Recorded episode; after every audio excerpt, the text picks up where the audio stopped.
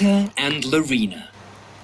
Once upon a time in the lake town of Luzon, there lived a fisherman with his two daughters, Mangita and Larina. Mangita was the eldest daughter and was very kind and loving to everyone. The younger one, Larina, however, was just unlike her sister in every way. She would be mean to other people, catch butterflies and enclose them in bottles for fun, and often speak rudely with her sister. Mangita did all the chores of the house and ensured food was cooked so that when their father returned home from his day's work, hungry and exhausted, he had his food ready to eat and his bed made for him to sleep. Larina never helped her sister and cared less about her father. She would spend her time sitting near the lake, combing her hair and looking at her reflection.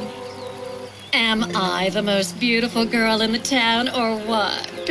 Oh, who am I kidding? There is no one more beautiful than me in the whole of the kingdom, let alone this small, poor town. One day, the fisherman fell very ill and passed away. Mangita was devastated. She cried and wept for hours, but soon realized that the responsibility of her family now rested on her shoulders. She gained her composure and went to tell Larina about her decision. Larina, as usual, sat by the lake obsessing over her looks. Sister, I am here to talk to you about something important. Oh, go away. Can't you see I am busy? Well, I won't take much of your time. Ugh, what is it? Well, since Father is not with us anymore, we don't have anyone earning for us. Hence, I have decided to go sell fish in the market every day.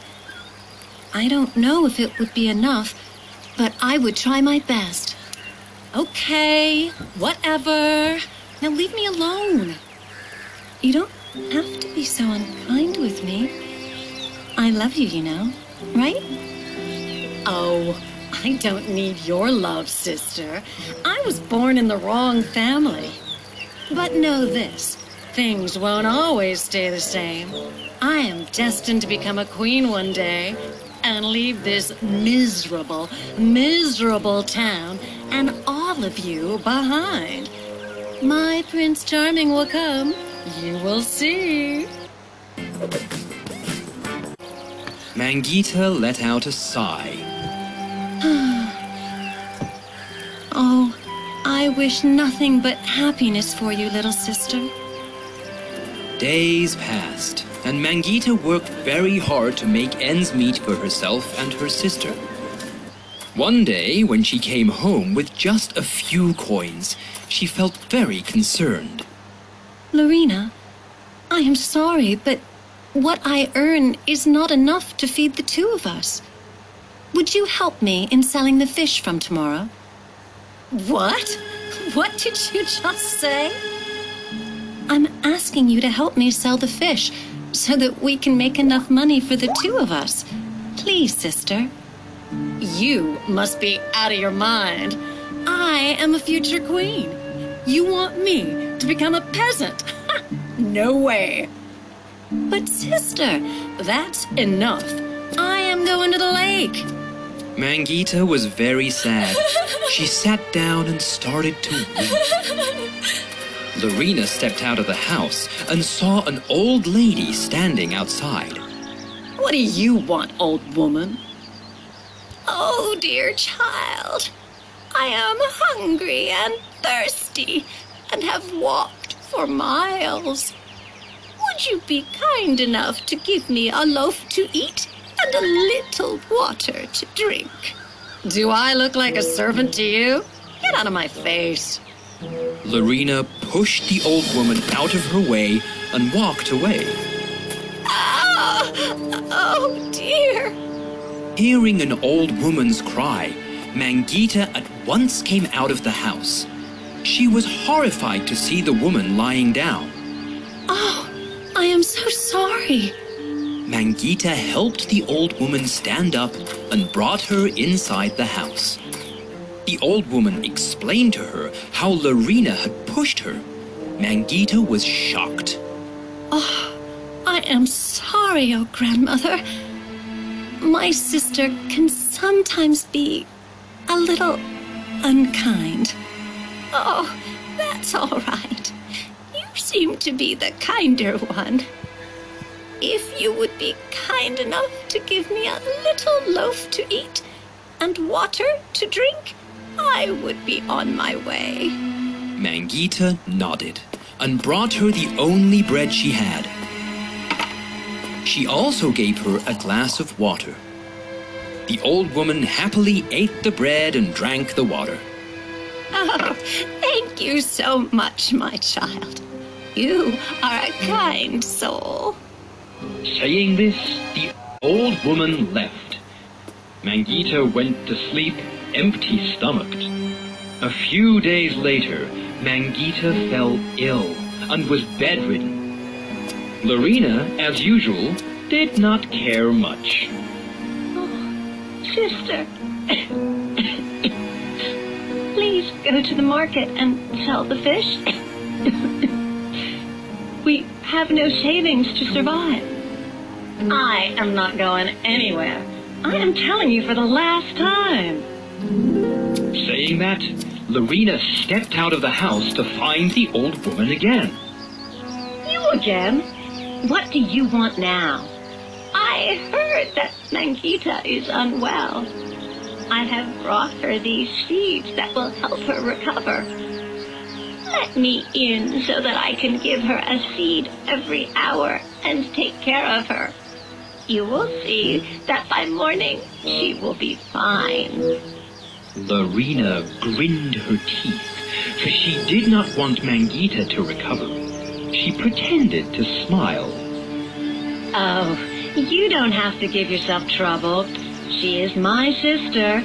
Give the seeds to me, and I will make sure that she is taken care of. Are you sure? Oh, absolutely. Uh, well, okay then. Larina took the bag of seeds from the old woman. Mangita's fever worsened, and all night she could not sleep. She kept tossing and turning in her bed. Her eyes started to turn yellow. Larina felt immense joy seeing her sister suffer. She did not even once tell her about the seeds and hid the bag under the bed. The next morning, when she woke up, she found Mangita sweating profusely. She smiled, and as she was about to leave the house, the old woman entered. Huh? You? How dare you enter our house without permission? The old woman smiled and snapped her fingers. At once, she turned into a handsome-looking man. What?